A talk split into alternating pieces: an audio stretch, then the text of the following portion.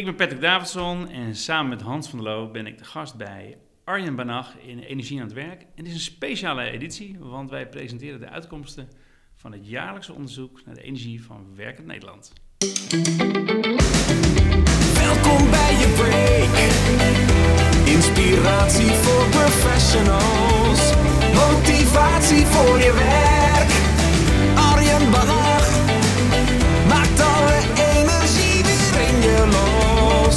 Je aan bij Energy That Works.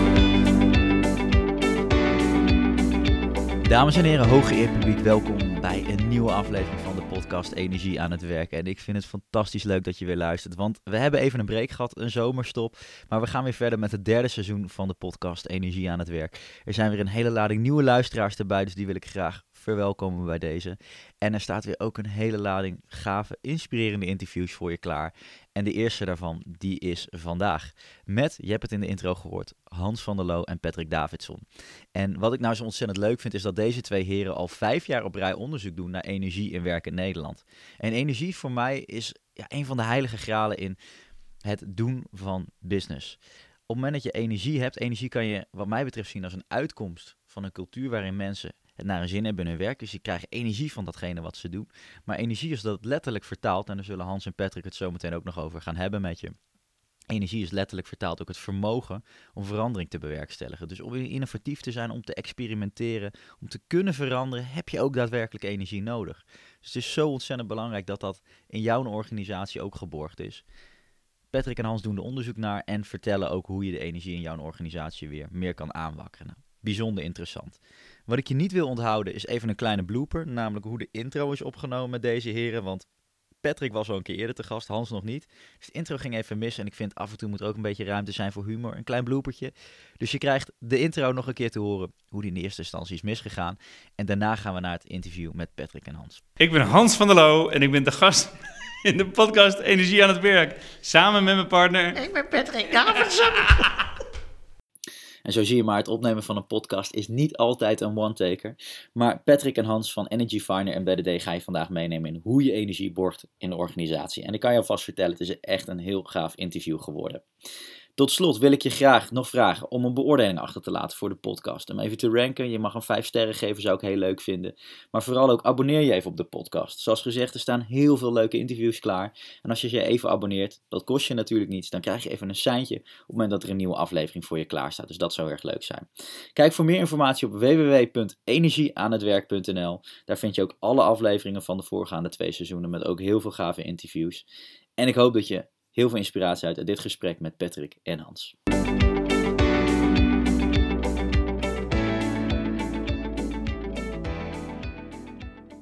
Goed, gaan we los.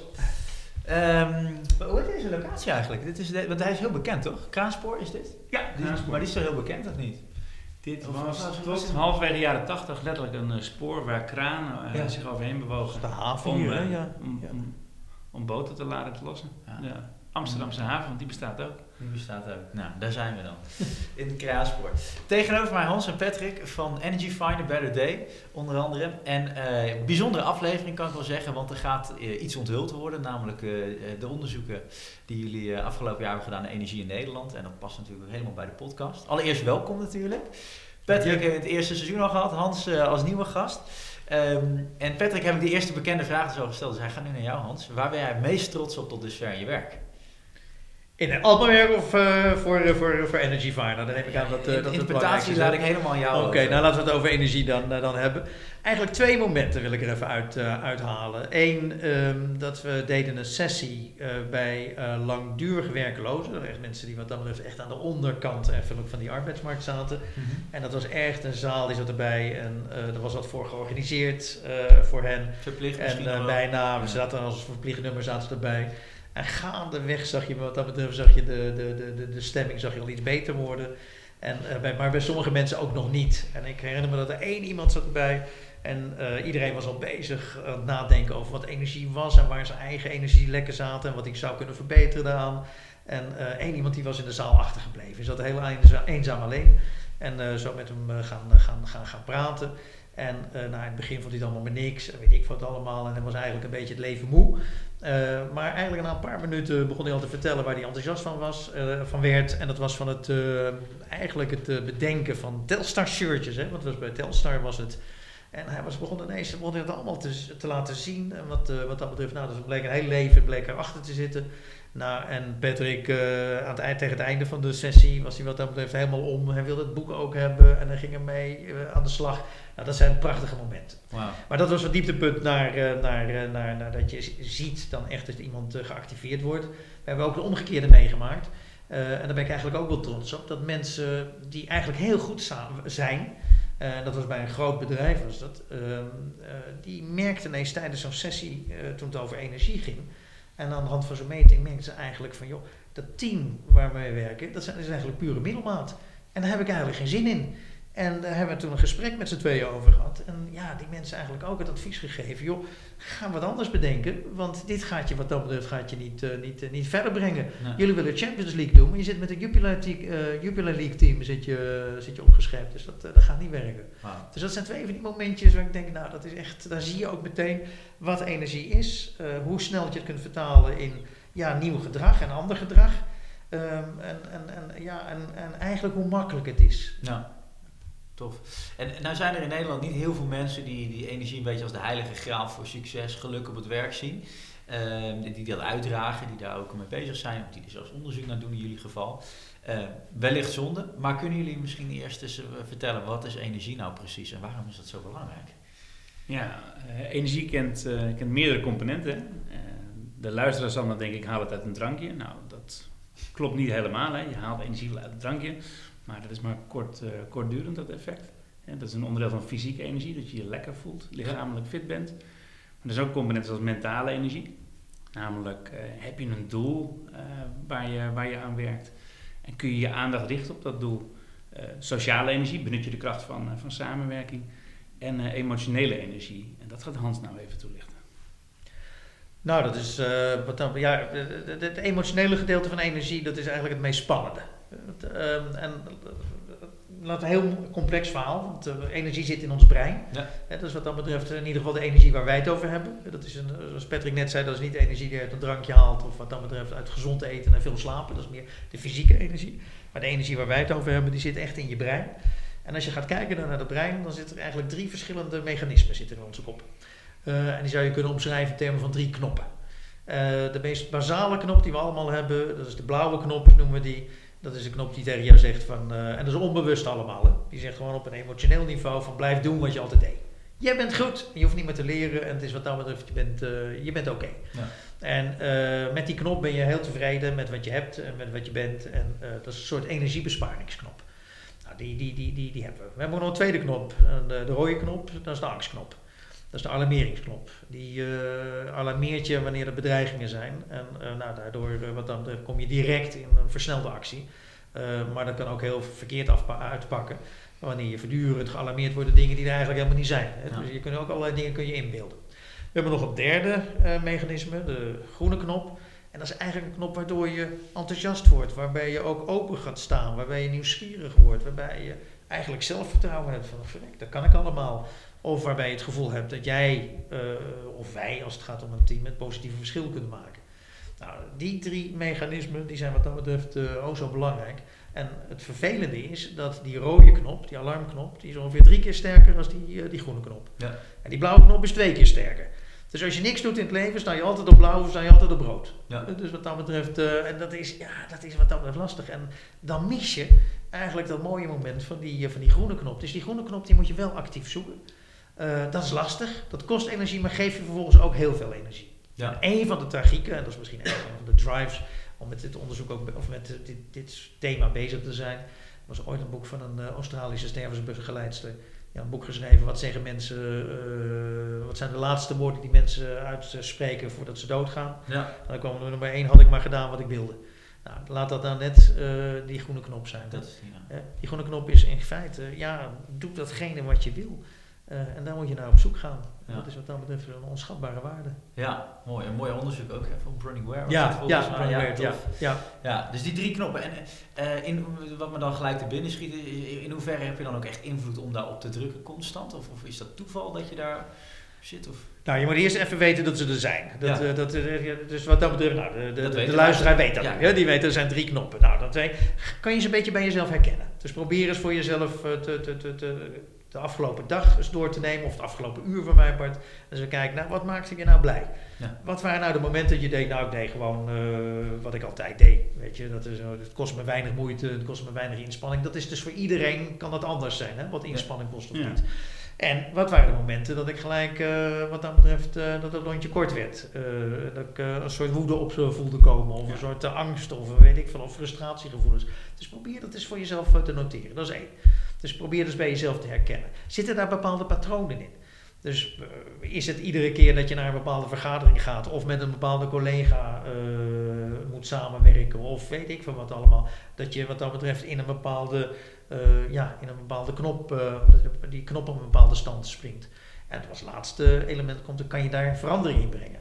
Nou, wat wij zelf zeggen, een probaatmiddel om zoveel mogelijk op die groene knop te komen, is omring je met zoveel mogelijk mensen die dat al op die knop zitten. Ja. Dat, en dat gebeurt vaak niet. Hè. Gisteren hadden we nog een sessie ook in een organisatie. En men is alleen maar gericht op mensen die niet willen in hun team. Maar managers. Hè. Dat is zo.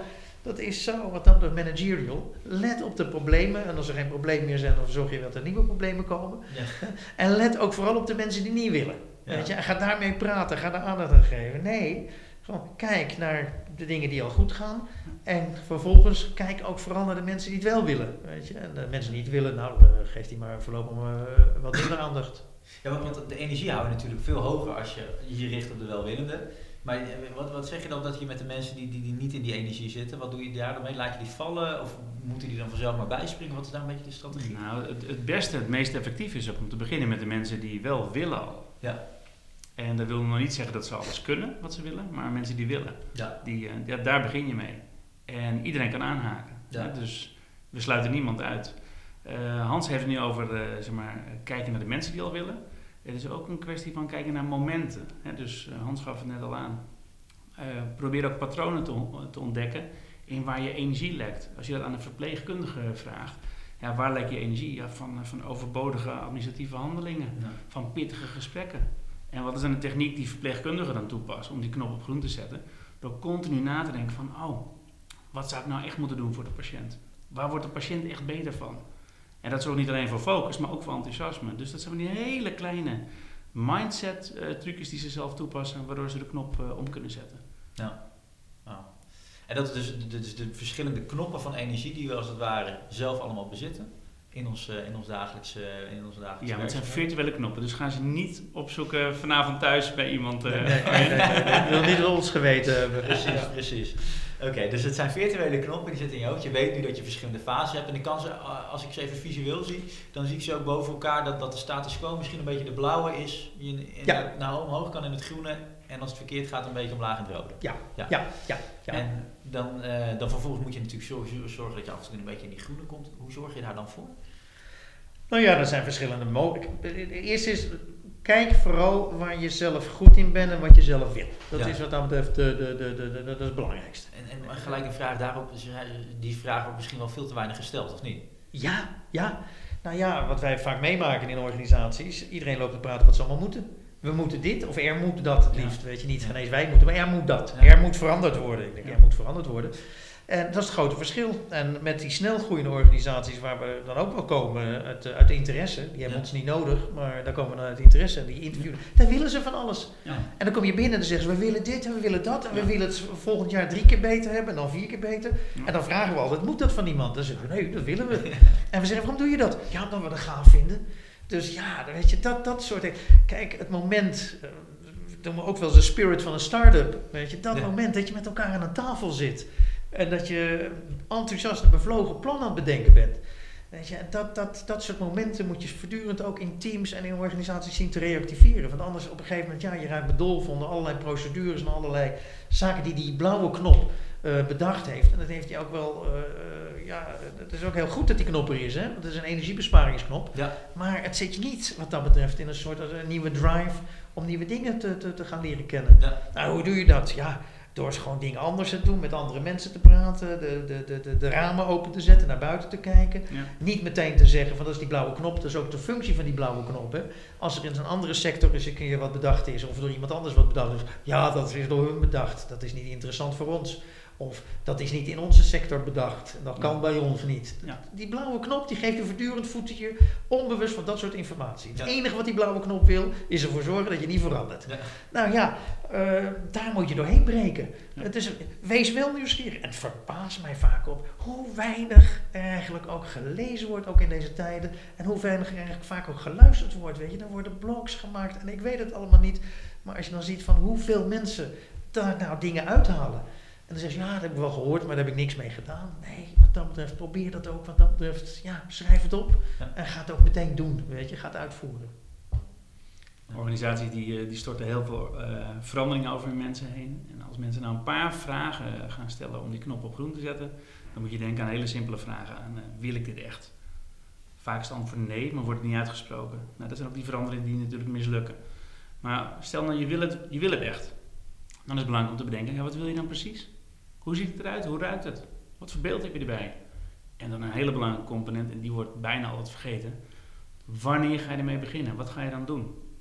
En als je die drie vragen gewoon stelt bij de eerstvolgende organisatieverandering die voorbij komt in een of andere PowerPoint waarschijnlijk of in een meeting, dan kun je vanzelf wel nadenken van hoe kan ik die, knop nou echt op groen eh, gaan zetten.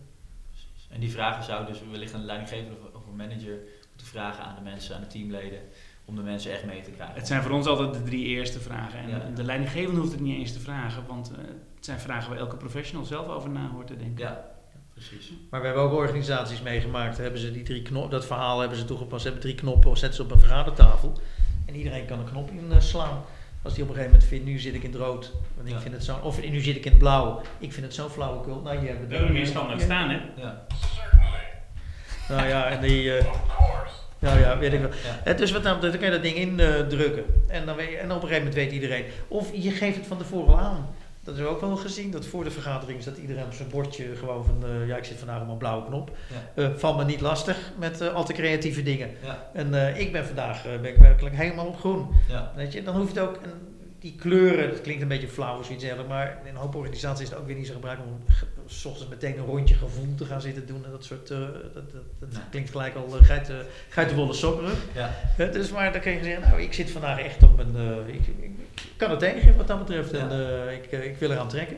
En wie nog meer? Ja. Eh, En dat principe, we zijn zo ook zo geneigd in organisaties op hetzelfde moment met z'n allen te willen gaan veranderen. Weet je, dat, eh nou, Fokken en Sukken hadden een keer die cartoon, hè? om half vier begint er een cultuurverandering. Nou ja, dat werkt goed als je een huis wilt bouwen of een systeem gaat bouwen, maar voor gedragsverandering helpt dat niet. Nee. Gedragsverandering werkt alleen maar met het systeem. Wie heeft er energie voor? En eh, nou, dan ga je met elkaar aan de tafel zitten. Dan blijkt al gauw genoeg of het wel zo is of niet zo is. Want dat zie je aan elkaar.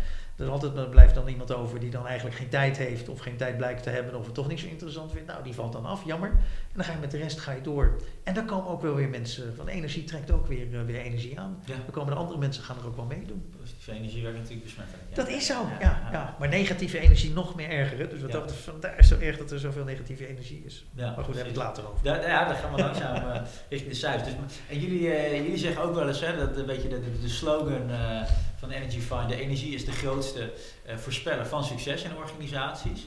Dus eh, op het moment dat de juiste energie geborgen wordt, dan zorg je dus ook daadwerkelijk dat je resultaten makkelijker kan aantrekken.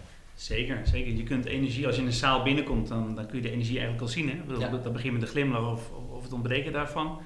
Je kunt eh, bij zo'n energiemeting precies zien wie er echt in beweging gaan komen. Uit zichzelf, omdat ze het willen, en wie dat niet doen. Ja. Dus het is echt het omgekeerde van het meten van tevredenheid. Ja. Wat wij doen is echt heel gericht vragen stellen, zodat je een beeld kunt krijgen van nou, wat is nou het gedrag wat deze persoon waarschijnlijk gaat eh, vertonen en waarom doet hij of zij dat? En die voorspellende waarde, ja, dat, dat is wat fascinerend is, want dan maak je dus eh, zachte dingen eigenlijk heel hard. Ja. Is want- want tevredenheid meten, dat zit heel erg juist op die blauwe knop waarschijnlijk. Terwijl je juist eigenlijk meer die, die groene knop Ja. Ja, en, je, en je vraagt iemand, ben jij tevreden met je werkomgeving? Maar ja, dat vind ik niet de meest relevante vraag. Nee. Ik vind het veel interessanter van, joh, wat wil je eigenlijk voor elkaar krijgen? Ja. En, ben je daar echt altijd mee bezig? Ja. Stel je alles in het, eh, in het teken van wat je echt wil, Ja. wat je echt belangrijk vindt. Ja, maar de definitie van energie, eh, energie is de kracht waarmee je jezelf en anderen in beweging brengt Ja. Om gewenste prestaties te realiseren. Ja. En dat is het laatste is wel belangrijk. Als je geen prestaties wil realiseren in het leven, en prestaties kan alles zijn, hè? dat Ja. is niet dat alleen maar geld verdienen, kan ook gelukkig zijn of een goede relatie hebben, beste of de vader, de wereld beste veranderen. moeder. Dat- Ja. Het kan alles kan dat zijn. Eh, maar als je dat niet wil, dan heb je ook weinig energie nodig. Hè, dus wat betreft, we zijn geen energie-evangelisten in de zin dat we zeggen, nou, iedereen moet energie hebben. Als jij zegt, ik wil niks presteren in het leven, nou prima, weet je, dan, eh, dan heb je aan ons eh, wat dat betreft ook geen kwaaien. Ja. Maar wat het vervelende is, een hoop mensen die willen steeds meer. Ja, en dan moet je wel eens gaan denken, hoe ga ik dat organiseren? Waar haal ik dan de brandstof vandaan? Ja. Weet je, dat, eh, dat, en, en, ja, en dat gebeurt nog, nog, nog in onze optiek te, te weinig. En dat is wel goed, dat, daar, daar, daar proberen we dan verandering in te brengen. Ja, ja. Misschien leuk om dat, eh, dat aan het einde van, van, van, van de podcast daar nog even op in te zoomen over hoe je dan echt kan zorgen dat die energie een enorme boost krijgt. Ja. Ehm, dan gaan we even langs de switch maken, want, want het onderzoek dat doen jullie jaarlijks. Ehm, wat misschien interessant is, want de, de, de knoppen die komen ook enigszins overeen met de vier vlakken van energie die jullie altijd hanteren. Of, of zit ik er dan? Nou, het is, kijk, wat, eh, eh, eh, niet helemaal. Het, het, het, buitenkant of het plaatje, algemene plaatje van energie, en daar kan je het heel makkelijk aan aflezen. Dat heeft eigenlijk twee, en- energie heeft twee dimensies, laat ik het zo vertellen. De ene dimensie is de hoeveelheid energie of de kwantiteit van energie. Dat kan weinig zijn of dat kan veel zijn. Nou, dat herkennen we allemaal. Er zijn momenten dat je futloos bent en er zijn momenten dat je bruist van energie. Dus dat is kwantiteit. En eh, er zit ook een dimensie negatieve versus positieve energie. Ja. En negatieve energie, nou dan zit je echt op die, eh, die, die, die, die, eh, die rode knop. Ja. En die positieve energie, dan zit je veel meer naar de kant van, het, van de groene knop. Zit Ja. je. Dus die zit veel meer op de, de kwalitatieve dimensie van energie. Maar als je twee dimensies op elkaar betrekt, dan krijg je eigenlijk krijg je vier verschillende zones, vier verschillende energiezones. En dat is eigenlijk de, de, de makkelijkste taal om over energie te praten. Ja. En als we die zones, zullen we ze even aflopen? Of, eh, ja? Ik een leuke namen die jullie eraan hebben gegeven natuurlijk. Ja, dat hebben we- nou ja, dat is op een gegeven moment om ze te laten hangen. Dus als je zegt, nou, je hebt veel energie en je zit echt goed in je veld, dus je bent positief gestemd, dan noemen we dat de zinzone. Ja. Dus dat is de, de, de zone waar je daar zin in hebt, daar ben je enthousiast, daar zie je mensen ook meters maken. En er is de werkdruk, nogmaals, die is erg hoog, maar mensen vinden het niet erg, want ze vinden het gaaf waar ze mee bezig zijn. Ja. Dus ze werken graag, werken ze uren eh, langer, bij Ja. wijze van spreken. En ook in de weekenden, dus daar zijn we ermee bezig. Ja. Eigenlijk een beetje zoals je met je hobby bezig bent. Precies. Nou, dan heb je ook een zone, die heeft wat dan, die is ook wel positief, eh, maar die wordt gekenmerkt door een mindere hoeveelheid van energie. Dus die kwantiteit is beduidend lager. Dat is de comfortzone. Ja. Daar zit je inderdaad veel meer op die, eh, op die blauwe knop. Hè, dus wat dat betreft, het is wel prettig allemaal met elkaar. En we zijn goed gestemd en goed gemutst. En het is een, vrolijk, eh, een vrolijke boel over het algemeen, maar we doen niet zoveel. Hè, we beginnen om half tien en om half vier zijn we bezig de boel aan het opruimen, want om vijf uur stopt het allemaal. Dus, en overwerken, nou, liever niet. Comfortzone. Dan hebben we ook nog een zone. eh, pak jij hem over, Patrick? Ja, dat is de hyperzone. Dan eh, heb je veel energie, maar veel negatieve energie.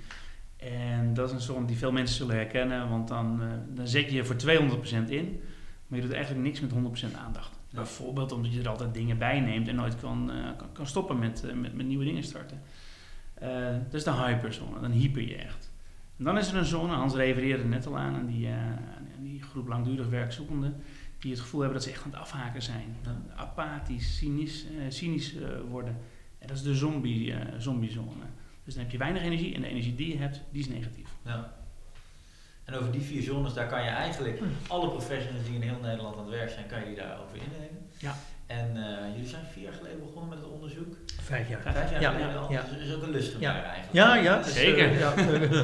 Ja, Ja. heel mooi. En, en, en ja, ik ben benieuwd, wat, wat komt er dan dit jaar uit? En misschien ook, hè, want we hebben de resultaten vorig jaar ook in de podcast gehad. Ehm, wat zijn, vooral ook, wat zijn de ontwikkelingen? Dat is Ja. misschien nog wel belangrijk. Nou, wat denk jij, Arjen? Als je die nou, je, de economie bloeit, hè? Ja. Het gaat hartstikke goed. Ja. Alle cijfers staan op groen. Ja, het is iets wat ik vaak wel, wel roep bij, eh, bij, bij lezingen. Dan, dat, dat, hè, dan- dat is op zich ook niet zo'n heel recent cijfer, maar er wordt wel eens gezegd dat eh, dan heb je het over betrokkenheid, niet betrokkenheid. En de niet betrokkenheidscijfer in Nederland enorm hoog is. Hè. 70, 80 procent van Mhm. alle medewerkers is niet mentaal Ja. betrokken.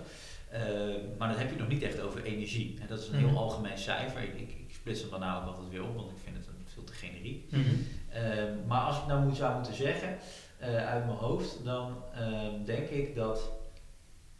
Ja, ik denk dat het meest in de onderkant van. van, eh, van, van, van- dat zou gevoelsmatig het meest in de onderkant zitten dat je meest, pas, meer passieve mensen hebt. Dus de, dan wel van ik laat me een beetje leiden eh, en dan op een positieve zin of toch meer de negatieve kant. Maar dat zou mijn gevoel zijn.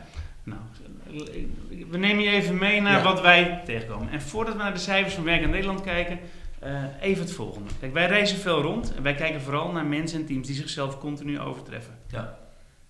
En dat kan alleen maar als je heel veel energie hebt en als je weet hoe je jezelf kunt activeren. Dus bij dat soort organisaties, dan is zo'n zinzone, dus dat je veel energie hebt en met name positieve energie, hè, brandstof om te presteren, prestaties die je zelf gekozen hebt, 65, 70% zit dan in die zinzone. Ja. Dat was in werkend Nederland vorig jaar slechts 20%. 1 op de 5. Ja. Ga ik toch de vraag nog een keer aan je stellen. Bij een aantrekkende economie, Ja. zal die nou groter of kleiner zijn geworden, die zinzone? Normaal gesproken groot hè? Ja. Ja. Hij is bijna gehalveerd in 2018. Gehalveerd. Dus er zijn van 20% naar Met 12, 12 procent. in de zinzone. Ja. Dus 12% van werk in Nederland die heeft goede, hoge kwalitatieve energie. Ja, en die heeft er echt zin in en die gaat enthousiast en die wil echt dingen presteren en die wil het verschil maken. En, en dan zitten Dus- wij drie nog niet eens meegerekend. Nee, nee, nee, Nee. nee, nee, eh, nee, nee. dat- Maar dat, dat, dat, is- dat Dat is is 1 op de. 10, hè? Dat is 1 op de 10. Ja, Ja. dat is- Iets meer. ja. En moet je nagaan dat een team gemiddeld 10 mensen groot is? Zoiets, soms kleiner. Ja, de optimale is 7, maar dat is een Ja, andere ja, precies. Ja. Maar, maar Ja. dan zou je zeggen dat er Ja. gemiddeld misschien één iemand in een team Ja, in die zin zit. Ja, ja, Ja. ja, ja, ja, ja, ja, ja, Ja. ja. Nou, Nou, waar, zijn ze, waar zijn ze dan naartoe gegaan? Hè? Precies, Want ja. die zinzone is dus kleiner geworden, van 20 naar 12. 20 was eigenlijk al te klein natuurlijk. Ja. Eh, dan zie je dat die hyperzone nog verder gegroeid is. Die was vorig jaar 38%. Nou, er komt nou zo'n 5% weer bij. Dus die gaat naar de 40% gaat die toe. Dus de zone, dat is een zone waar ge- verkrampt eh, gewerkt Ja, wordt. dus een aantrekkende economie betekent nog veel harder werken met z'n allen. Ja. En dat heeft natuurlijk te maken met nou ja, wat wij ook terugkrijgen in de kwalitatieve interviews die we er nog eh, aanvullend aan hebben gedaan. Eh krapte op de arbeidsmarkt. Ja. Reorganisatie op reorganisatie. Ja, het werken wordt niet minder. Ja. Dus als we met z'n allen maar zeggen willen is kunnen en we gaan ervoor, ja, dan kun je wel ja zeggen, maar je voelt van binnen nee. Dus dat is wat er ook gebeurt. Dus, dus dat is op zich al, want ik zou denken, eh, als je in de zinzone zit en het gaat mis, zak je misschien eerst naar eh, de zone daaronder, namelijk eh, nog wel positieve energie, maar wat eh, minder, minder hoog. Maar dat is dus eigenlijk niet zo, want Jawel hoor, dat, die, die is ook gegroeid. die, die is ook Ja. te goed. Ja. Maar, misschien, maar is het niet zo dat het misschien nog makkelijker is om vanuit die goede energie, dat je in één keer te veel hooi op de vork neemt, dat herken ik namelijk zelf ook, en dat je in één keer toch merkt van, hé, dit wordt wel lastig om al die ballen in de lucht te houden. Ja, dat is wat er gebeurt eigenlijk. Ja. Ja. Ja, ik denk dat een groot gedeelte van die zinzone richting hyperzone gedreven is. Ja. Eh, ook al omdat die zinzone ook al gekenmerkt wordt, het feit dat je zelf eh, beslissingen over je eigen werk kan nemen, dat, dat zie je daar steeds. Mensen zijn Ja. enthousiast over hun eigen werk. Ja, en in toenemende mate zie je nu ook, juist omdat die economie aantrekt, dat de teugels eh, weer strakker worden aangetrokken. Ja. En dat er wat dat betreft eigenlijk ook weer allerlei, waarvan wij dachten achterhaalde managementvormen, die zie je ook weer snel toenemen of terugkeren. Hè, dus wat dat betreft, het wordt allemaal strakker gemaakt en meer gestandaardiseerd en we gaan dit en meer met minder en ik weet het allemaal niet. En Hans, omgekeerd hebben we veel gelezen over zelfsturing. Maar in de praktijk blijkt dat ook niet altijd te werken natuurlijk. Nou, Nee. Dat betekent natuurlijk dat mensen gewoon weer doorschieten naar de hyperzone. Want dan heb je dus minder collega's, maar eh, nog steeds dezelfde hoeveelheid werk. En met een aantrekkende economie, ook in de publieke sector, gewoon veel meer werk. Ja, ja. Ja. ja, die zelfsturing is inderdaad als er meer werk komt, Ja. dat, dat zomaar omschakelen, dan Ja. is het natuurlijk niet Ja. duidelijk gegaan. Ja. Nou, er is nog een andere categorie die gegroeid is. Die, Ja. Dat stipte jij zelf al aan, dat is die comfortzone. En dan moet je je voorstellen dat je op een plek zit waarvan je denkt van ja, het is eigenlijk wel goed hier. Even op de blauwe knop eh, blijven werken. Ja, Maar diep van binnen voel je eigenlijk wel dat, dat het enthousiasme, dat, dat, dat wordt natuurlijk minder. ja, Nou, dan is het een kwestie van, van overleven. Nou ja, en dan kun je je afvragen, is die comfortzone wel zo veilig? Dat is de, de belangrijkste vraag die mensen zichzelf kunnen afstellen. Wij oordelen daar niet over, maar het is een vraag die ieder zichzelf zou moeten stellen. ja, Maar de vraag die bij dat hele plaatje eh, geldt eigenlijk is, eh, dan gaan we even naar de BV Nederland kijken.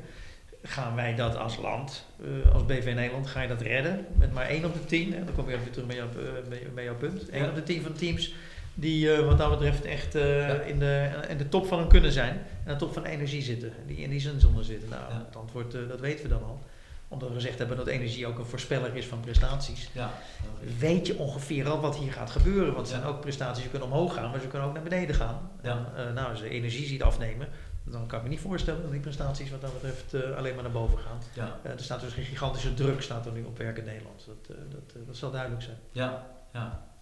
En hebben we nog de, de, de, de laatste zone, de zombiezone? Toch? Of? Oh ja, die is voor het eerst, eh, dat was tot nu toe in Nederland, dat was een- altijd positief hè. Met eh, alle andere, dat, hoe laag de anderen ook waren, die was altijd onder de 10%. Ja. Nou, in anglo-saxische landen was dat altijd die 20% disengaged, Ja, weet je, die daar dat kwam. Dus dat was daar vele malen hoger.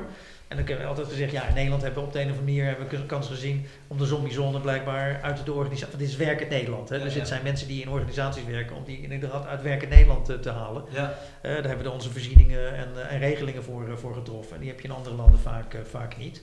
Dus dat cijfer is beduidend lager. Maar dat begint nu de afgelopen jaren. Vorig jaar steeg dat naar 10. Eerst, voor het eerst dubbele cijfers en dit jaar naar 11. Dus ook daar zie je wat dat betreft het aantal afgehaakte mensen in organisaties. Anno eh, 2018, eh, dat stijgt ook elk jaar weliswaar met 1 procentje. Ja. Eh, maar dat is toch een gigantisch leger. hè? 11% van hoeveel werkende Nederlanders zijn er? 8, eh, 8 miljoen? Ja. Dat zijn 800.000. Dat is de stad Amsterdam vol. Hè? Dus Ja. dat zijn de orders van groottes waar we het over hebben. Ja. En daar moet je altijd wel beseffen als je het over deze percentages denkt. Ja. Hoe, hoe gigantisch dat, dat is. Ja, precies, precies. En, en misschien ook dat juist mensen die in die zone zitten ook echt wat zinzone-types nodig hebben. Dat ze misschien toch nog een beetje geenthousiasmeerd kunnen worden, maar die ook al afnemen. Ja. Wordt het lastig? Ja. Ja. Nou ja, wat het unieke is van het, van het instrument eigenlijk, dat we niet alleen eh, in die zones kunnen praten, van daar zou je mee kunnen stoppen. Hè? Ja. Dan weet je dat. Dan zeg je, Ja. nou, eh, dat is dan leuk, nice to know. Eh, maar dat we vervolgens hebben bedacht, ja, hoe kunnen we nou kijken wat er onder die motor kan plaatsvinden? Waardoor, dat- waardoor komt dat nu? Ja. En wat zijn nou de redenen? En eh, nou, daar hebben we eigenlijk drie grote hoofdredenen voor, eh, voor, voor gevonden, Ja. wat, er, wat erachter zit. En, Ja, de eerste heeft te maken met eh, het laten kapen van je aandacht. Hè, dus eh, zelfdiscipline. Werk in Nederland slaagt er de, de laatste jaren al niet in om de aandacht te richten op, het, eh, op datgene wat ze echt belangrijk vinden. En dat wordt alleen maar erger. Ja. Dus moet je niet alleen denken aan het laten afleiden door je smartphone of door, eh, door, door collega's, maar gewoon echt eh, niet meer je aandacht kunnen richten, niet meer kunnen concentreren. Ja. Dus dat is, dat is, dat is één, hè, dat is een eh, voorbeeld van mentale energie die, Ja. je, die je verliest. We noemen dat wilskracht en zelfdiscipline. En de andere is dat, en dat vind ik echt een shocking cijfer, dat ook echt continu laag blijft en steeds lager wordt. Het lijkt wel of werk in Nederland zonder een scorebord werkt. Dus we noemen dat progressiegericht werken. In hoeverre meet en bespreek jij regelmatig de voortgang met elkaar? Ja. Nou, ik weet niet of je een, een beeld hebt van als ik die vraag aan jou zou stellen van hoeveel procent van de mensen ehm, regelmatig de voortgang meet en bespreekt. Nou, ja, dat, eh, als je dan zegt dat die, die hyperzone aantrekt, eh, dan zou je zeggen dat dat automatisch ten koste gaat. Ik noem het altijd de Q2'tjes hè, van de time management matrix van Stephen Covey. Mhm. dat je even dingen doet die even niet urgent zijn, Ja. maar wel belangrijk. Ja. Eh, dat, dat dat misschien juist de, de reflectiemomenten ten koste gaat eh, van Ja. Nou, wat, wat, wat, wat, je zit wel aardig in de richting. hoor. Het blijkt dat mensen misschien wel nieuwe eh, technieken toepassen zoals een dagstart. Maar dat ze helemaal geen dagafsluiting doen. Om te kijken wat er ook daadwerkelijk is gedaan. En wat dat betekent voor de planning van, eh, van morgen. Ja. Kortom, ja, we zijn hard aan het werk. Maar waaraan zijn we soms, soms vergeten. Ja. Score is erg laag. Is onder de 40% getoken dit jaar. Ja. Nou moet je maar eens voorstellen dat jij in, in 60% van, van je tijd, drie dagen per week, dat je maar wat doet eigenlijk. Ja. Shocking. ja, echt.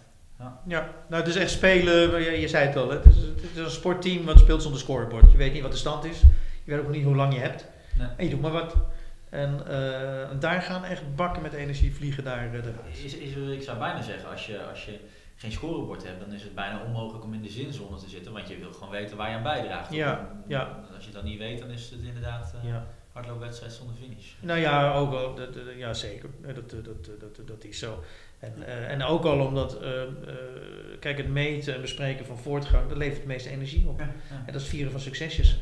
Dus dat is, maar maak het klein. Maar vi- vier het elke dag, kan je elke dag wat vieren. Nou, dan staat die knop gelijk weer op. Groen, hè?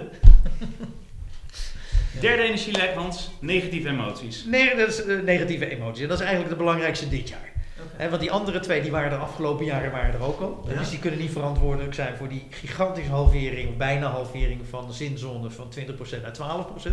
Maar wat zit daar dan achter? Dat zijn die, dat zijn die emotionele eh, factoren. Ja. Eh, en dat is met name de groei van, eh, van, van, van, van, van die rode knop.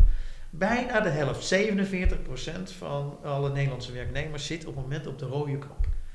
Eh 35% op de blauwe knop, nou, dat kan, we spreken, dat is- maar maar 18% op de groene knop. Hmm. Dus dat zijn wat dat betreft. En dat is echt gigantisch gedaald. Want als we de cijfers even bijhalen van het afgelopen eh, jaar, vorig jaar, zat die groene knop die zat nog volgens mij op 33% Die is bijna gehalveerd van 33 naar, naar 18. Eh, en eh, die, eh, die rode knop is van 36 naar 32, 36 naar 47% gestegen. Nou, daar, dat, weet je, dat was raadselachtig voor ons. Wat Ja. is er nu gebeurd? Want we dachten, het gaat economisch goed. Ja. Dus die mensen zullen ook wel goed in de vel zitten, Ja, weet je. Nou, een paar redenen waarom dat niet zo is. Eh, Patrick heeft er al een paar net aangegeven. Dus die veranderingen, het feit dat je meer moet doen met minder. eh, het feit dat de loonontwikkeling, wat dat betreft, niet parallel gaat met wat eh, bedrijven verdienen. Nou. Dat is ook bekende thema's allemaal. Maar er is nog één extra punt. En die werd ons aangedragen aan een hoop HR-adviseurs.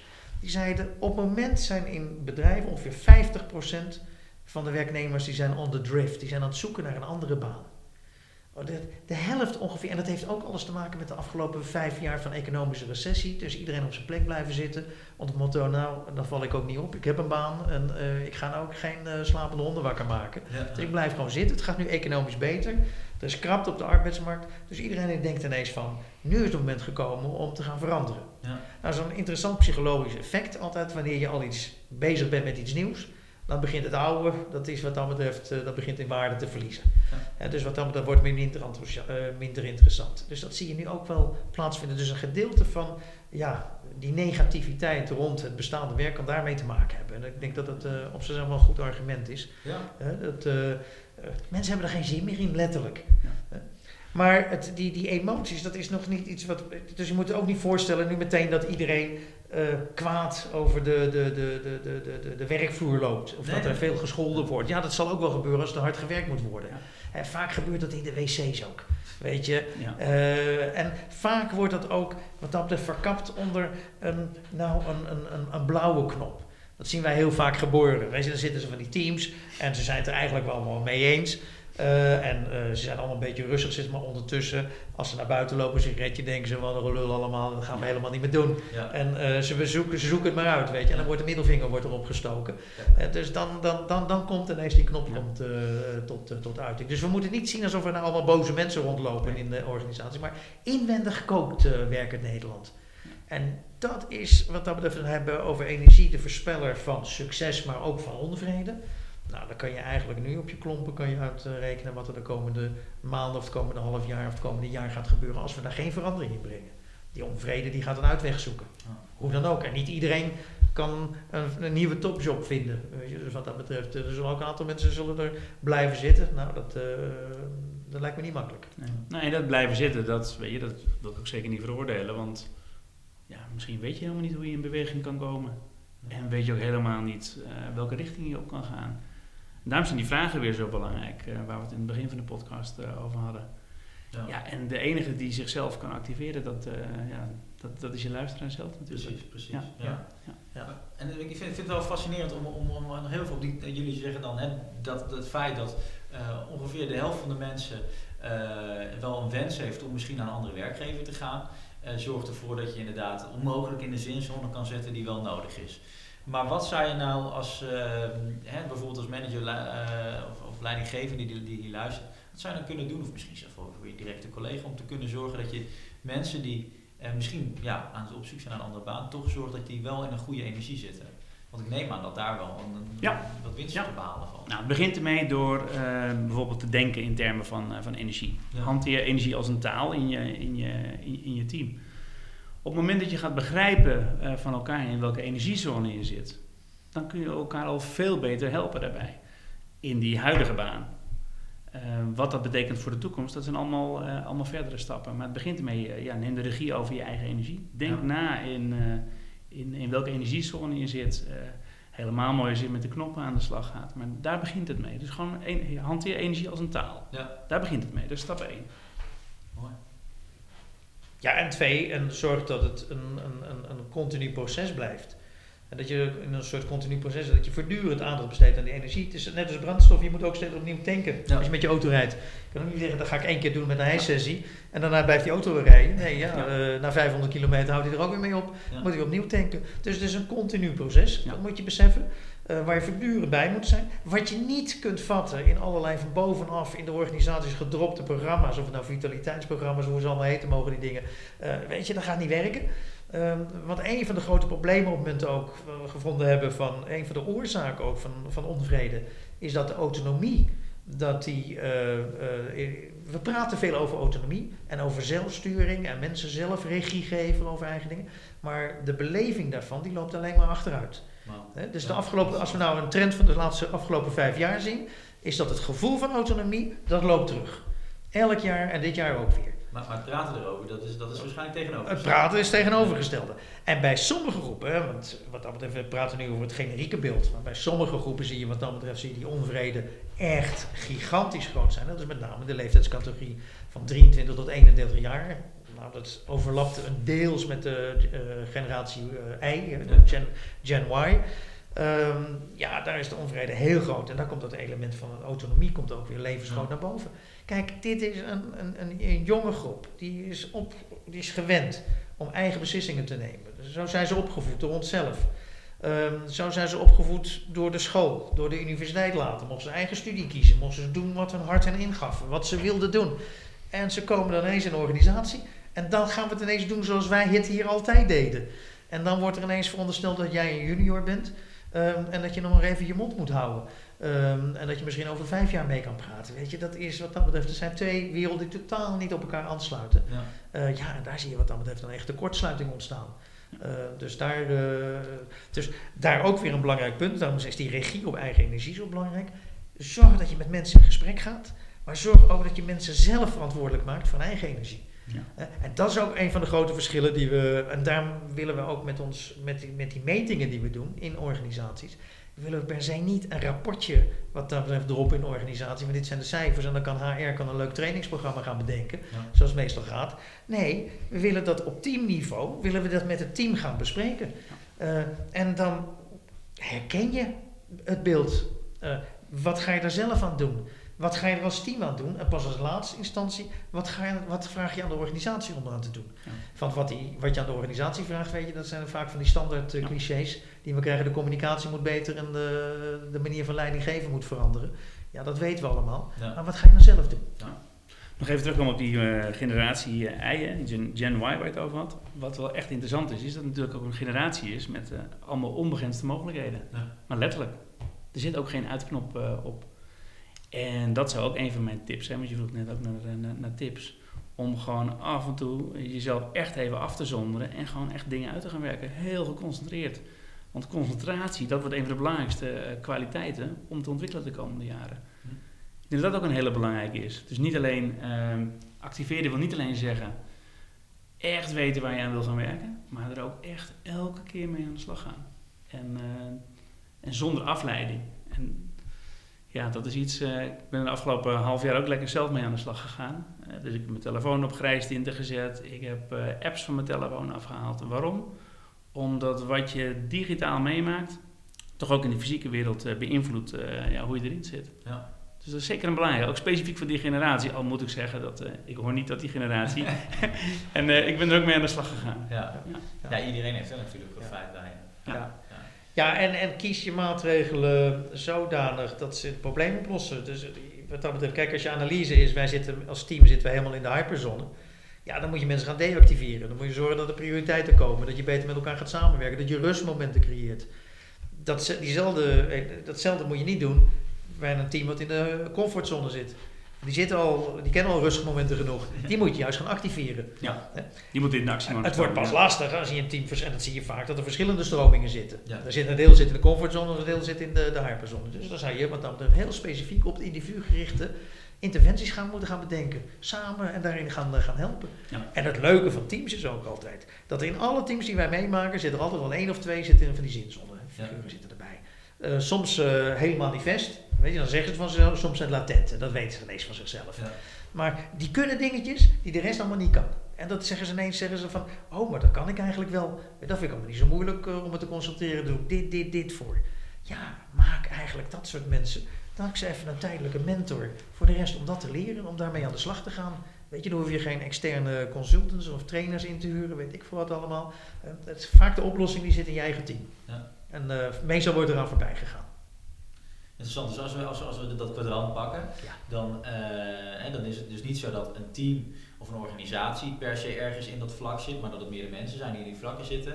En dat waarschijnlijk ook nog wel binnen een team dat weer heel erg verdeeld is. Nou, ik herken dat zelf ook heel erg van de eh, teams waar ik mee werk. Eh, en dat het dus heel goed is om eens een keer met elkaar ernaar te gaan kijken en eens te gaan kijken waar zit iedereen en hoe zorgen we dat we wat meer naar die zinzone gaan bewegen. Exact, en ook te beseffen dat het momentopnames zijn. En dat is ook het goede nieuws. Dus je kunt er ook echt meteen iets, eh, iets aan doen. Ja, Je moet het eigenlijk zien als zo'n vlek hè, of zoiets dergelijks die dan iedere Ja. keer ver, ver, ver- verspringt. En eh, wat, eh, precies wat je zegt, het zijn momentopnames, die metingen ook. Dus eh, een half jaar later kan het weer anders zijn. ja, Nou, als dat zo is, nou, dan, dan, dan, dan, dan, dan, meet je het van mij nog een keer. En dan kijk je weer. Of je bespreekt dat gewoon met elkaar. Jongens, wat is er veranderd sindsdien? Dan laat je de film lopen. ja, En dat kan per team ook ontzettend verschillen. Want we zitten vaak ook in grote corporates. Eh, we hebben een aantal eh, opdrachten. Ja, weet je. En dan zien we één team die zit echt helemaal in de zinzone. De ander zit helemaal aan het hyperen. Die zit weer in de comfortzone.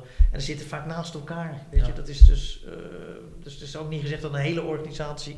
Wat dat betreft, dat is ook zo'n zo'n zo'n zo'n traditioneel beeld. Dat, Ja. de- dat zijn dan de start-ups, die zitten allemaal Ja. in de zinzone. Nou, daar vinden we ook lui die. Ja. ja. Maar het belangrijke is dat die teams dus heel veel van elkaar kunnen leren. ja, want als je juist gaat kijken naar de positieve uitzonderingen binnen een team en tussen teams, dan kunnen mensen ongelooflijk veel eh, van elkaar leren. Eh, we zitten nu in een tijd eh, waar we het net over hadden van ongekende groei, zo lijkt het althans als je naar de cijfers kijkt. Hè. Arbeidsmarkt vol met krapte. Er zijn ook mensen die hebben heel veel reorganisaties al, al meegemaakt. Die kunnen gewoon heel, relatief, heel relativerend hun collega's helpen om te zeggen, nou, deze golf van verandering die heb ik al lang meegemaakt. Wat er hierna gaat komen is dit, dit en dit. Dat kan heel louterend werken. En, en dan eh, vervolgens, ik denk ongetwijfeld als je dit met elkaar gaat, gaat, gaat bespreken, dan, dan vallen er wel puzzelstukjes op zijn plaats. Hè, dat je ziet van, ah, je zit een beetje hier of daar. Ehm, de, de eerste stap, we hebben wat dingen eh, zo, eh, hebben we de revue gepasseerd. Ehm, het bespreekbaar maken, wat zou de volgende stap moeten zijn als je dit met dit team gaat bespreken? Om weer naar die zinzone te komen? Nou, we, doen, we bespreken niet alleen als team, maar we, doen, we bespreken het ook op individueel Ja, ja, niveau. precies. dus mensen krijgen ook een individuele score. Dus daar haal je nog meer uit. Ja, ja. Dan is wat dat betreft geneesmeer het team, maar Ja. dan zeg ik individueel. Dus daar, daar, en, en dat is wel interessant. Hè, van vaak, maar soms zie je ook nog wel bij die, bij die sessies dat als het over team gaat. Nou, een gedeelte doet wel erg mee, maar een gedeelte denkt ook van dat is een team en dat zal wel. Ja, Maar op het moment dat het over je eigen score gaat, nou, dan is het moment eh, van de waarheid is wel aangebroken. ja? En je krijgt ook precies te zien waar zitten nou die energielekken en waar krijg ik energie van en waar verlies ik energie. Ja. Nou, en het is, En dat verschilt per persoon. hè. en dat is over- natuurlijk verschilt per persoon. zitten, ja. Maar je ziet ook, en wat dat betreft tijdens een sessie kun je dan makkelijk zien, joh, maar ga eens met die en die en die praten, want die hebben ongeveer hetzelfde probleem. Eh, van jullie zitten in, dezelfde, zitten in dat clustertje, jullie hebben hetzelfde probleem. En het Ja. Probleem zit bijvoorbeeld in een gebrek aan concentratie, afleiding. Nou, dus voor sommige mensen is dat dan eh, een, een, een gigantisch probleem. Eh, en waar ligt het dan aan? Nou, dan gaan ze eerst bedenken waar dat dan ligt en hoe kunnen we daar dan wat aan doen en hoe kunnen we daar stappen in gaan nemen. Nou, bij een ander ligt het eh, probleem misschien op een heel ander vlak. Dan kan het zijn een gebrek aan zelfvertrouwen of een gebrek aan. dus we meten echt op twintig verschillende dimensies. Ja. Dus je kan echt helemaal inzoomen waar nou eigenlijk die, het energielek zit. En dan, Ja. eh, En dan kan je mensen in met elkaar in contact brengen waar je zegt, nou, jullie hebben een soort gelijksoortig probleem, hebben jullie. eh, ja. eh, nou, ga wat dat betreft en ga eens in die richting denken. En eh, ga dat wat, wat, wat, wat er mooi aan is, is dat het, eh, omdat het een momentopname is, is dat mensen ook niet van zichzelf gaan zeggen, want dat heb je vaak met die kleurentestjes, van eh, ja, ik ben geel. En dan is het een vrijbrief om heel veel andere dingen niet te doen. Terwijl dit, gaat veel meer, dit brengt Ja. veel meer in kaart van, waar krijg jij nou energie van in je werk? Ja. En waar lek je energie? En bij de succesvolle organisaties wordt er ook echt op energie gestuurd. Ja. Zodat je voorkomt dat straks iemand gaat afhaken, dat iemand afglijdt naar die comfortzone of die zinzone. Wat we dus in werk in Nederland eh, heel veel zien gebeuren. Ja. En dat is heel belangrijk, dat je beseft, hey, ik kan eh, regie over mijn eigen energie pakken. Ja. En dat kan op elk denkniveau. En dat, eh, ja, dat is fascinerend om te zien. Een vraag daarop, want wat, ik geloof heel erg dat je, je maakt zo inzichtelijk waar zit het nou precies in. Uiteindelijk is het ook een beetje de routekaart naar, naar de zinzone. Eh, maar er zijn eh, vaak momenten ook, en die maak ik ook de teams tegen, bijvoorbeeld in de zorg. Hè, ehm, de hele strakke kaders qua wat, wat er moet geleverd worden aan zorg, binnen welke tijd, met welk geld ervoor beschikbaar is. Ehm, op het moment dat je ziet dat je energielekken hebt en die misschien wel een beetje buiten jouw invloed zitten, eh, omdat het nou eenmaal de kaders zijn waarmee je moet werken, wat, wat zijn dan de oplossingen? Die zijn nu lastig. eh, eh, lastig nou, je, moet, eh, je moet altijd kijken waar, waar, waar wel je beïnvloedingsmogelijkheden zitten. Dat is Ja. eh, het, het COVID-adagium. Ja. wat, wat, wat kan je beïnvloeden, wat kan je niet beïnvloeden. Ja, ja, Wat je niet kan beïnvloeden, denk ik, nou, dat kan je niet beïnvloeden. Dat is nou eenmaal zo. Daar kan je wat druk om gaan zitten maken. En dat kan ook wel helpen. Dat je dat weet, we zijn er nu eenmaal. Als het je werk zo negatief beïnvloedt, en dat hoor je heel vaak. Je hebt het nu over de zorg. Ja. Wat dat betreft een doorgeschoten eh, bureaucratisering heeft plaatsgevonden. En nog steeds plaatsvindt. ja. Ja, daar moet je eens heel goed eh, afvragen. Is dit eh, wat dat betreft het soort werk waar ik in mijn leven voor gekozen heb? Ja. En het gelukkige is dat ook in de zorg er initiatieven waren. En dan zien we de buurtzorg, dat is natuurlijk een prachtig voorbeeld daarvan. Wat precies de haaks op stond. Waarbij één iemand op een gegeven moment gezegd heeft, nou, daar is de zorg niet voor bedoeld. Ik ga, het, ik ga precies het tegenovergestelde doen. Ja. En ik ga het zonder regels doen en zonder kaders doen. Van het vervelende van al die kaders is ook, er wordt vaak gezegd, die worden ons opgedrongen. Maar gedeeltelijk eh, dringen we ze onszelf ook op. Hè? Dat, eh, dat is dus ook, want de, de, de, zorginstellingen zeggen het ligt aan de inspectie. En de inspectie die zegt, nou dat is helemaal niet waar. Want eh, het ligt gewoon aan het feit dat er een gebrek aan eh, energie en een gebrek aan kwaliteit geboden wordt. Dus eh, we schuiven wat dat betreft ook al dat soort vervelende en nare omstandigheden, die schuiven we naar elkaar toe. Ja. Dus ja, in het ergste geval zeggen we ook altijd, ja, zoek iets wat dat betreft buiten de zorg. Maak je eigen start-up. Ook dat is mogelijk vandaag de dag. Hè. En dat Ja. klinkt, klinkt misschien wat uh, gratuit, maar het eh, voorbeeld van buurtzorg is er een prachtig voorbeeld van dat het wel kan. Ja. Ja. Een ander mooi voorbeeld uit de zorg eh, kwam tijdens die interviews eh, naar, naar voren met, eh, met verpleegkundigen. Eh, krapte bepaalt heel erg de drukte Ja. op de werkvloer. En wat ze bij een, eh, een ziekenhuis hier in de buurt gedaan hebben, is een langere inwerkperiode voor mensen die gewoon dubbel meedraaien. Dus dat zijn mensen die eh, meteen kunnen meedraaien, versneld kunnen leren.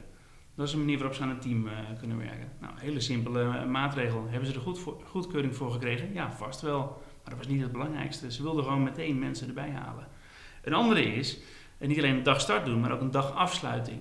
Zodat je emoties wel degelijk altijd een vaste plek, eh, wel, altijd bespreekbaar kunt maken. Dus elke dag om drie uur, precies het moment dat de shifts gaan, eh, gaan wisselen, bespreken ze de belangrijkste momenten met elkaar. En dat vind ik wel een, eh, een heel mooi voorbeeld waar heel veel organisaties van kunnen, le- eh, kunnen leren. Ja. Drie uur hè, in de middag is echt precies het, mi- het minst energieke moment van de dag. Probeer dat nou eens te benutten om eh, te zorgen dat je aan het einde van de dag goed kunt afsluiten. Ja, ja. Mooi. Ik denk inderdaad dat er zeker wat in zit en veel mensen wat aan kunnen doen. Eh, en ook wel mooi, hè, wat- wat je zegt, sommige dingen moet je gewoon accepteren. Die zijn er helemaal, die kan je niet veranderen. En dat het alleen al... Nou ja, het voorbeeld van, de, van, van dat ziekenhuis. Ze zeiden ja, er is krapte eh, en mensen moeten ingewerkt worden. Wat een probleem. Nee, je combineert het. Ja. Je laat iemand gewoon dubbel meedraaien. Ja, dat is fantastisch. Die staat dus niet in, die staat dus niet in, de, in, hoe noem het, in de formatie, Nee. maar draait wel mee. En binnen twee maanden is hij of zij ingewerkt. Ja. Ja, en het leuke van de energie is, en ik kom net van vakantie terug, dan zo op een gegeven moment in een bar ook, dan zag je één barkeeper, die stond er met een zagrijnig gezicht. En nou, ongetwijfeld als je hem gevraagd had waarom sta je zagrijnig, had hij verteld over alle regels waar hij moest doen. En al het eh, werk wat hij moest doen waar hij helemaal geen zin in had. En de ander die werkte onder precies dezelfde omstandigheden en die stond daar te swingen en te lachen en die maakte pret met iedereen en weet ik wat allemaal. Ja, weet je, dat is het verschil wat dat betreft. Ja. Is gewoon het verschil van energie. Ja. De context was precies hetzelfde. Het zijn allemaal dezelfde regels. En het was allemaal, ik kan me ongetwijfeld voorstellen dat het hotel wat dan helemaal dichtgetimmerd was en dat het werk eh, niet, even, eh, niet, eh, niet even leuk was voor ze. Maar weet je, je kan ervan maken wat je zelf wil. En dat is Ja. een van de, van de mooiste dingen. Dan wil ik niet gelijk een Amerikaans verhaal ophangen van, weet je, de situatie kan nog zo erg zijn. En dan kan je er nog iets moois van maken. Weet je, dat, dat, dat klinkt een beetje gratuit. Er zullen ook momenten zijn, en daarom noemde ik net, je, er is ook een way out. Weet Ja. je? Als je het op een gegeven moment niet meer binnen organisaties eh, eh, doet, maar creëer je eigen beweging. Ja. En dat is ook het leuke van, eh, van een hoop van die eh, snel groeiende organisaties die wij de afgelopen jaren gesproken hebben. Die praten niet in termen van organisaties. Bij Airbnb zegt wij zijn een beweging. Ja. Nou, dat zijn bewegingen. Maar creëer je eigen beweging. Dat kan. Weet je, dan, eh, dan begin je. En als, je- als, je, als, je, als je geluk hebt en je doet het goed, dan kan je uitgroeien tot zo'n club zoals buurtzorg en weet ik veel wat allemaal. Weet je, dat, eh, dat kan allemaal. Ja, of definieer je organisatie als jouw team. Hè. Dat is jouw omgeving. Nou, Ja. In je eigen team kun je heel veel veranderen samen. Ja, want je kan ook je beweging in de organisatie Precies. creëren. Precies. Dus, eh, Ja. dat, Ja. Mooi. Ja, dus dat heeft ook wel een beetje met, een- met een focus te maken. Hè? Waar focus je op? Ja. En Ja.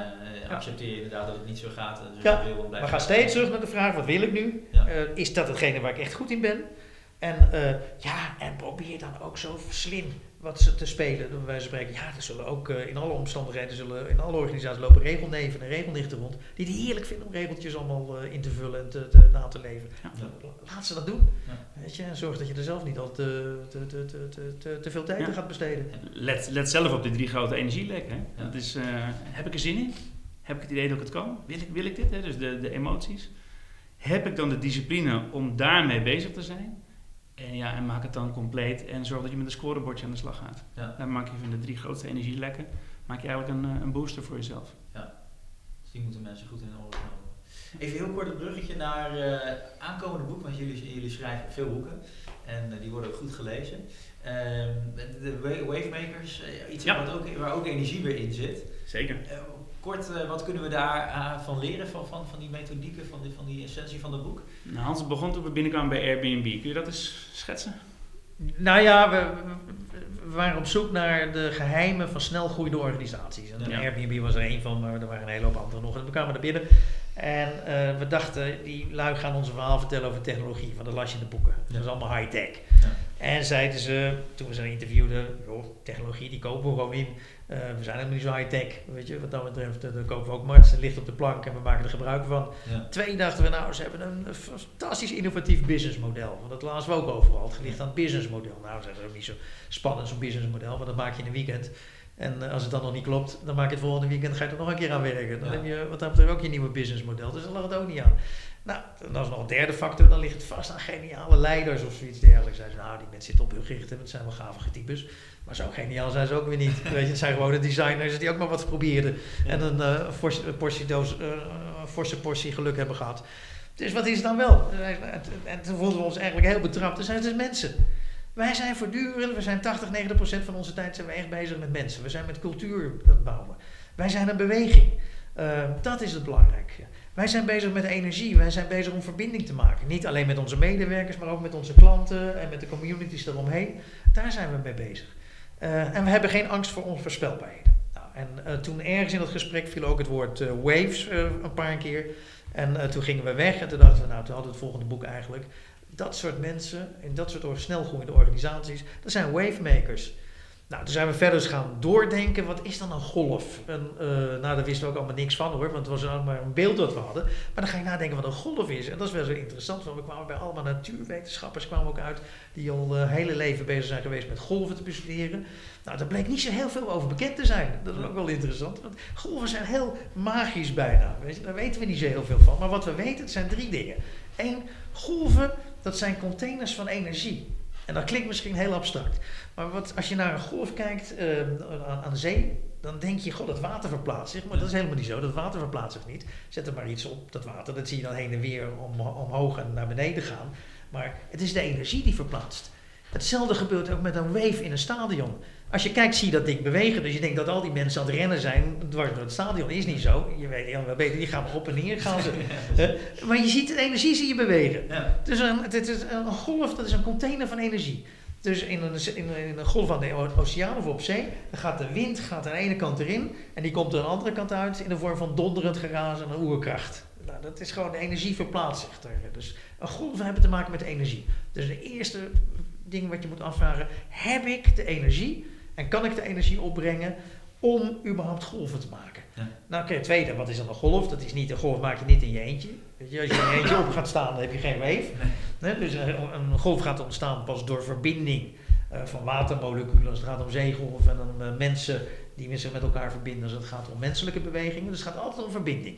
Dus ben je in staat om verbinding te creëren? Ben je in staat om massa achter je te krijgen? Nou ja, dat, eh, dat, eh, dat, is, dat is het tweede element van golven. En het derde geheim van golven, dat heeft te maken met eh, de onvoorspelbaarheid, de onbepaaldheid.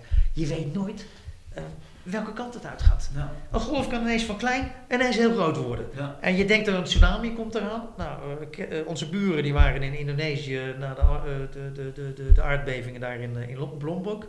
Eh, allemaal tsunami, weet je, met, eh, de, met allerlei radarinstrumenten en weet ik wat allemaal. Eh, denken we dat we kunnen detecteren, maar die hele tsunami kwam niet. Eh, ja, dat is de onvoorspelbaarheid van golven. Ja. Je denkt dat die komt, maar het komt niet. En soms denk je dat hij niet komt en ineens is hij er. Dus kun je gebruik maken, want er zit iets negatiefs onder, dan zeggen we het is chaos, het is eh, onvoorspelbaar. Nee, maar het is ook wel, kun je de kracht van momenten kun je die gebruiken. Ja. En het heeft ook de kracht van momenten.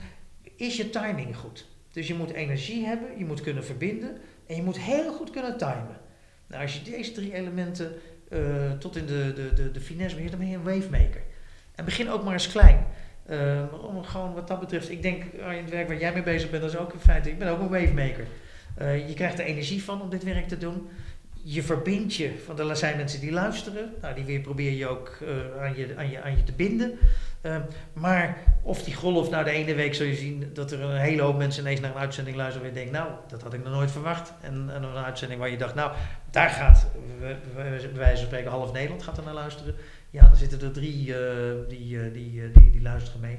Ja. Nou, dat kan gebeuren. Dat is, dat, is, dat is all in the business. En dan moet je weer nieuwe energie van krijgen. En zeggen, de volgende keer ga ik het nog anders aanpakken of ik ga het nog slimmer doen. Ja, wauw. Daar gaat het boek over. Daar gaat het boek over, ja. Nou, we, we gaan elkaar natuurlijk nog een keer spreken. Misschien is het dan leuk, om, want dan ben ik ook nog wel eigenlijk benieuwd eh, naar wat zijn nou de, de, de bepaalde facetten die je dan nodig hebt. Want het heeft eigenlijk, wat jullie zeggen, met cultuur te maken. Nou, dan geloof ik ook, hè, wat is nou onze gedeelde mindset? Gedragen je met elkaar? Want het zit in, dus in de mensen en niet in de leiders of in de technologie. Mooi, Ja. mooi dat je dat zo eh blootlegt. Eh, dus dat is misschien een eh, leuk onderwerp voor de volgende keer. Ja hoor, we zullen, eh, het zal in de winter zijn, zullen we je alles vertellen over leiderschap, gedrag en cultuur van snelgroeiende organisaties Ja. en activistische bewegingen. En Ja. Ja, hoe kun je dat zelf, eh, zelf starten? Ja, hartstikke leuk. Dat, eh, mo- mooie teaser. Eh, dan gaan we richting de afsluiting. Eh, en dat, dat zijn de vijf vragen. Ik heb ze al aan jou gevraagd, Patrick. Ik weet niet of, of ze bij jou gewijzigd zijn. Dan mag je nog aanvulling geven op Hans. Maar ze gaan in eerste instantie naar jou toe. Eh, en de eerste is, wie is jouw grootste inspiratiebron geweest tot dusver? Oeh, ik ben een oude, oude vent. Dus eh er zit een hele hoop die flitsen door mijn hoofd. Johan Cruijff was er een. Maar als je nou kijkt naar meer de business kant, Steve Jobs, toch. De, de, de, de, eh, allemaal verschillende redenen. Iemand die ehm, ja, een combinatie is van een hippie, van een ondernemer en een uitvinder. Ehm, ook iemand die allerlei lagen kent. Een ongelikte beer is, die, eh, eh, die, die, die, die aan de andere kant ook de meest geniale dingen kan doen. Ja. Eh, iemand die het meest verhevene heeft, het meest go- goede wil met de mensheid. Ja. Ondertussen ook van allerlei ideeën jat en steelt en eh, anderen onder klem zet. En eh, ik weet het allemaal niet. Dat, dat, eh, dat, dat, dat, dat, dat, als het om personen gaat. Als het om een land gaat, eh, Luxemburg, daar kom ik vandaan. Ja. En dat is echt, Luxemburg is een, dat, is, dat is een grappig land. Eh, ik ben er zelf weggevlucht toen ik eh, 18 was, want eh, daar gebeurt niks. Ja. Het eh, Luxemburgse motto is: we willen blijven wat we zijn. Dus als er iets blauwe knop is, dan is het Luxemburg. Die willen gewoon blijven wat ze zijn. Maar dat is toch iets leuks. Met dat willen blijven wat ze zijn, zijn ze wel een heel innovatief land geweest. Want wat is nou het geval met Luxemburg? Aan het begin van de, de 20e eeuw waren ze een, eh, hadden ze een grote staalindustrie. Daar leefden ze van. En daar werden ze heel rijk mee. Maar ergens zagen ze dat dat niet meer goed ging. En toen zijn ze overgegaan naar het bankensysteem. Nou, en eh, toen zijn ze wat dan betreft een bankair land geworden. Ergens in de jaren 80, 90 zagen ze al, dit gaat fout met die banken. En dat wordt te veel met witwassen en ergens gaat de bank, dat, dat gaat niet goed komen op de duur. Dat is geen duurzaam model. Dus laten we iets anders gaan doen. We gaan het zoeken, ons heel zoeken in eh, entertainment, RTL en in eh, satellieten. En ze zijn toen de satellietenbusiness ingegaan. Ja. En wat niemand weet eigenlijk, is dat een klein Luxemburgs bedrijf alle satellieten waarmee wij alles zien en alles eh, communiceren met elkaar, dat zijn Luxemburgse satellieten. Als je dan zou vragen wie heeft dat, dan zou je zeggen dat zijn Amerikanen, of dat zijn Engelsen of Duitsers of eh, Fransen, ik weet het allemaal niet. Nee, dat zijn Luxemburgers. Een klein land wat niet opvalt, eh, wat wil blijven wat ze zijn, wat oerconservatief is, maar toch staat, in staat is geweest om in één, decent, om in één eeuw drie keer van businessmodel te veranderen. Ja. Dus eigenlijk achter de schermen weer heel innovatief blij- blijkt te zijn. Dat Ja. ook wat dat betreft eh, En een mooi is- verhaal. Is het dan, wel- welke zone zit Luxemburg dan? Nou, weet je, het leuke is, ze, zijn, zijn, ze, zitten, in de, ze zitten in blauw. Eh, en, en, en blauw en dan voortdurend gaan ze naar dat, dat groene. Ja. Dus daar zitten ze soms. En dan zijn ze weer groen en dan gaan ze weer een tijdje op blauw zitten. Ja. En dan zorgen ze dat ze het lekker uitmelken. Zoals nu die satellieten, dat is gewoon uitmelken business. Ja. Maar ondertussen zijn ze nu al een paar groenen, zijn nu al aan het denken van, wat zal het volgende zijn? Ja. Nou, en dan zou je donder op zeggen dat straks Luxemburg in de kunstmatige intelligentie ineens zit, of weet ik veel wat Ja, allemaal. dat ze blockchain overslaan Eh, naar dat ze ineens dingen overslaan en ineens, huppakee, met eh, zoiets kopen, weet ik wel. Heel goed. Ja. Leuk. Mooi antwoord. Eh, ja, welk boek moet iedereen gelezen hebben? Nee, jij? Nou, eh, eh, Marco Connor, To Be a Machine. En Patrick, het is Nederlands vertaald, hè? Ja, als eh, de mensmachine. de mensmachine. Ik denk jij gaat zeggen bullshit jobs, daarom doe ik mee van jou. Oh, ja, ja, Dat ja. sluit ze mooi aan. Ja, ja, ja. Nou, ga ik het andere laat ik voor een volgende keer laat ik dan zitten. Bullshit jobs. Ehm, maar dan ben ik even de auteur kwijt. Eh, David Graeber? Ja, Ja. Graeber. Ja, ja. mijn hoofd. Ja. Ja, nee. Maar dat laatste wat ik vertelde, die To Be a Machine, dat was het laatste boek dat ik gelezen heb. Dus vind ik dat au- automatisch dan de Altijd beste ook. Ja. Oh, Maar fantastisch. toen, de bullshit jobs, dat heb ik voor de vakantie gelezen. En dat was echt, nou het heeft mijn ogen wel geopend. Eh, en ik heb ook een hoop vragen nog over. Wat blijkt uit het boek? Dat ongeveer 40 tot 50 procent, en dat spoort we helemaal met het eh, verhaal wat we net verteld hebben. 40, 50 procent van de mensen vindt ze werk vindt ze eigenlijk niks voorstellen. En eh, nou, dan moet je denken ook mensen die in marketing zitten of in HR of in communicatie. Weet je, je, je, maakt niks tastbaars meer. Nee. En eh, nou ja, daar is de, de, de gekke vraag die bij mij bleef hangen, moet dat dan? Moeten we dan iets tastbaars maken? Moet ik dan aardappels uit de grond eh, trekken om wat dan betreft een zinvolle baan te, te, te hebben? Dat, dat, dat, is één, dus daar heb ik nog wel vragen over. Maar het andere punt wat wel blijft bestaan, en kijk, als wij nu ook zien dat 50% van de mensen op de rode knop zit en 37% op de blauwe knop, dan moet je wel afvragen, is je baan dan inderdaad van zoveel waarde eh, dat je daar elke dag naartoe gaat? Ja. En als je daar weinig energie aan ontleent, en ook die cijfers hebben we ook gemeten, dat dan nog minder dan de helft zegt ik ga met energie naar mijn werk. En dan nog maar een fractie terugkeert met energie uit zijn werk. Ja. Moet je afvragen, joh, maar wat zitten we daar dan te doen? Ja. En eh, waar is dat voor nodig? Dus het boek opende eh, wel eh, de ogen van wat is er eigenlijk aan de hand in organisaties. Ik vond de term ook wel mooi, dat bullshit jobs. En helaas is er te weinig aandacht in Nederland. Er is wel een paar krantenartikelen zijn over besteden, maar de serieuze discussie daarover is nog niet gevoerd. En ik hoop dat die wel wij, gevoerd Wij wordt. nemen toch ook wel met z'n allen te serieus hoe belangrijk onze baan vinden. Daar zijn wij te...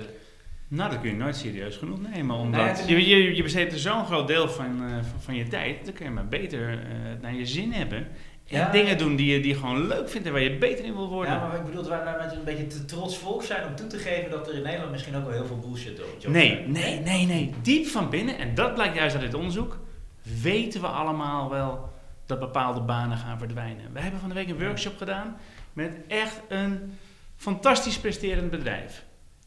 En op het moment dat wij aan de eh, CEO vroegen van deze 20 toppers, wie heeft er over vijf jaar nog een baan die niet is weggevaagd door AI, was het een minuut stil. En toen was het antwoord, ja, ik denk hooguit de helft eigenlijk. Ja.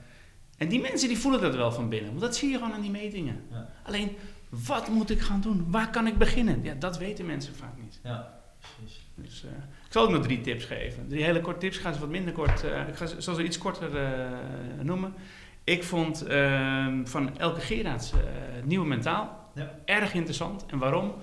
Omdat het niet is denken in termen van tijd, tijdmanagen. Dus je had het over de Eisenhower matrix van time management. Nee, dit gaat over het managen van je aandacht. Hoe doe je dat? En ook hoe voorkom je ruis? Dat vond ik echt heel erg mooi beschreven door Elke Gerards.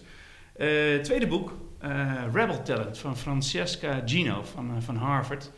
Zij laat eh, aan de hand van heel veel wetenschappelijk onderzoek laat ze zien dat we door sociale druk eigenlijk neigen te kiezen voor ja, wat een veilige optie is. Hm. En die veilige opties die, die bestaan tegenwoordig niet meer. Ja, en de derde is inderdaad, Hans, wat jij zei, de mensmachine of to be a machine.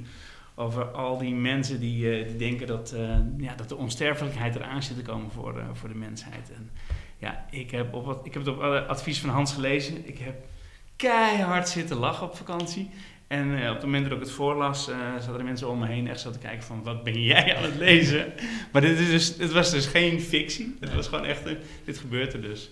Ja, mooi. Ja. Ik, eh, we, gaan, we gaan dan door naar de allerlaatste vraag, omwille van de tijd. En dat, is de belangrijkste sleutel voor energie op het werk. Die geef ik dan weer aan jou, Hans. De belangrijkste sleutel Ja. voor energie aan het werk, ehm, aandacht. Ik denk dat dat het eh, belangrijkste is. Eigenlijk eh, ehm, dat je aandacht hebt voor je energie. Dat je ook aandacht hebt voor de wisselende momenten daarin. Dus het golfbewegingen van energie die je die, die, die ziet. Maar vooral dat je alles wat je doet, dat je dat ook met 100% aandacht dat je dat doet. Dat je weet te focussen, dat je aandacht op weet te krijgen. En dat je voortdurend ook nieuwe energie eh, uit de omgeving weet te halen. Want energie is gratis, hè? dat is het leukste van. Ja. eh, het, het kost ons niks, je haalt het uit de lucht, maar als je de antennes niet hebt aanstaan en er geen aandacht voor hebt, dan krijg je niks. Ja. En waar je geen energie in stopt, krijg je het er niet uit. Ja. Dus, eh, dus aandacht is een van de belangrijkste dingen. Is er dan nog iets wat ik had moeten vragen en wat niet voorbij is? Herken je nog van de vorige keer die vraag? Nee, wat lees jij op dit moment? Eh, ik heb ja, net Homo Deus uitgelezen en ja, bijzonder gefascineerd. Ik ben sowieso een groot fan van Harari. En eh, eh, mooi ook hoe hij nu eigenlijk trends beschrijft. Dat ehm wij ondertussen eh, zo goed bezig zijn met het uitbannen van, eh, van honger, ziekte en oorlog. Dat we nu gaan kijken hoe we ons eigenlijk een supermens kunnen maken. En Ja, dat- dat zelf overbodig maken. Ja, Ja. en, en, en eh, dat heeft dus ook met die mensmachine te maken. Dus dat vond ik echt fascinerend. En er is nog een boek wat ik heb gelezen op vakantie. En ik vind het af en toe goed om wel fictie te lezen. En dat is het vervolg op de 100-jarige die uit het ruimteland en verdween. Oké. Hebben jullie gelezen, neem ik aan? Nee, ik heb nog niet. Ja, ik ben gestopt, wel. ik ben maar- gestopt ja. halverwege. Ik vond het echt geen goed boek. Nee? Nee. Oh, ik, Sorry. Ik heb, hier, nee, ah, ik heb precies hetzelfde wat jij had met mensmachine. Heb ik hiermee gehad dat ik op het strand lag te lezen. En dat je ook af en toe echt weer keihard aan het lachen bent. Maar nu de wereld veranderen, geloof ik. Die Ja, ja, ja, hij komt de wereld redden. En, Ja. en nu ook, eh, Trump komt erin voor en Angela Merkel. En het, is, ja, het, het, het getuigt van zo'n grote fantasie. Dus af en toe een, eh, een, een, eh, een roman lezen. En deze die dan ook nog speelt in deze tijd. En een beetje de wereldproblematiek ook op de hak neemt. Eh, ja, fantastisch. Ja. Heel leuk. Dus, Ja. ja. Ja. Dat, Eén vraag waar je die niet gesteld hebt, en die had ik wel verwacht toen het ging over autonomie. Ik dacht, nou dan ga je vast zeggen, mensen hoog in de organisatie, die hebben het waarschijnlijk wel erg naar hun zin. Want daar is de autonomie groter. Weet je, die kunnen vaak kunnen ze, doen en laten wat ze willen. Ja. En dat is ook zo. Dat is ook zo. Dus aan de top van de organisatie zie je dat eigenlijk de zinzone het grootst is. Dat, eh, dat daalt ook wel in de loop van de jaren. Vroeger was dat ergens rond de 60, eh, 65 procent. Inmiddels zitten we ergens rond eh, bovenin de 40 procent. Ik dacht zelfs 47 procent. Dus het daalt wel, maar het is nog steeds eh, vele malen hoger Ja. dan op het middenniveau van organisaties. En dat is weer vele malen hoger dan op de werkvoerniveau. Dus wat Ja. dat betreft, er zit een soort hiërarchische gelaagdheid van energie. Ook wel helemaal begrijpelijk als je het kijkt vanuit die autonomie. Ja. Want ja, aan de top van organisaties kan je eigen strategie bepalen, kan je doelen stellen en kan je zeggen wat anderen moeten doen. Ja. Eh, die anderen die krijgen dat dan vervolgens op een bordje. Dus dat element, dat, eh, dat, eh, dat, dat zie je wel degelijk je gebeuren. Ja. Dat, dus, en dat is ook wel gevaarlijk in organisaties, want daarom zie je dat een hele hoop aan de top van de organisatie, die hebben vaak zin in als ze verandertrajecten weer gaan doen. Ja. En dan stropen ze de mouwen op en zeggen, we hebben er zin in. En dan zie je de rest van de organisatie kijken met een gezicht van, nou, zij blijkbaar wel, maar wij niet. Ja. En, dat, Goed dat we dat nog even Ja. doen, want ik denk dat het wel belangrijk is. Heren, hartelijk dank eh, voor de bijdrage. prima, graag gedaan. Heel graag gedaan. Yes, dat was hem, de eerste aflevering van het derde seizoen van de podcast Energie aan het werk met Patrick en Hans. Hartstikke leuk dat je hebt geluisterd. We zijn een beetje uit de bocht gevlogen qua tijd, maar dat krijg je als je hoog in de energie zit, dan praat je makkelijk de tijd vol. Maar hartstikke leuk dat je hem helemaal hebt uitgeluisterd en hopelijk vond je het net als ik een heel inspirerend gesprek. Nog even een kleine reminder, hartstikke leuk als je een reactie achterlaat of een recensie geeft aan deze podcast. Abonneer je vooral ook, dan krijg je een seintje als er een nieuwe aflevering voor je klaar staat. En ik hoop je dan ook te mogen begroeten bij de volgende aflevering van de podcast Energie aan het werk.